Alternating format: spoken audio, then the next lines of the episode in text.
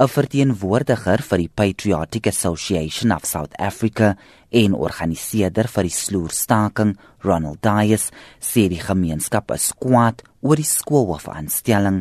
Grootendeels uit die proses van hantering en ook die wyse waarop kom ons uit die kortleising plaasgevind het dat 'n groot aantal van die aansoeke in terme van breinkandidate nie eers uh, oorweeg was nie. Daai sê onderwysers by verskeie skole in breingemeenskappe neem deel aan 'n sloerstaking. Dis 'n saak wat ons in Davidson wil aangespreek het in Noordgesig en verskeie ander gemeenskappe ook. En die gemeenskappe soos Enendale, Eden Park waar daar ook tans probleme is, was in die vergadering uh met ander woorde die probleem van marginalisering en die aanstelling van net swart hoofde en die kom ons sê afskrywing of wegskrywing van breinkandidate is iets wat reg deur nie net die provinsie gebeur nie, maar reg deur die land ook. Daar selfs gevalle nou in Wentworth en KwaZulu-Natal waar ons dieselfde probleem het. 'n Woordvoerder vir die Gautengse Departement van Onderwys, Steve Mabona, sê tussentydse maatreëls is by Klipspruit Wes Sekondêre Skool ingestel na die skool se beheerliggaam ontbind is a process of appointing a new principal, if we were to go to that process, it would have to be the new SGB.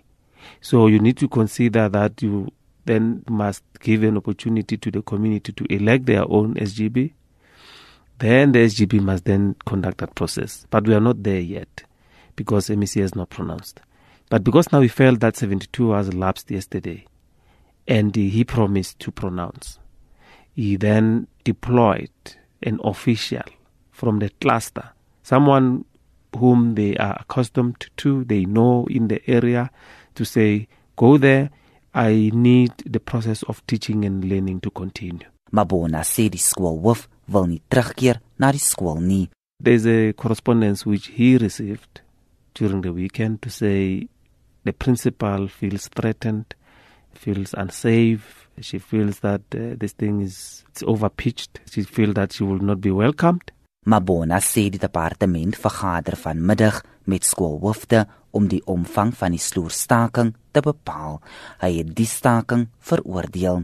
For an organization to then go or those groups encourage teachers to go on a go slow.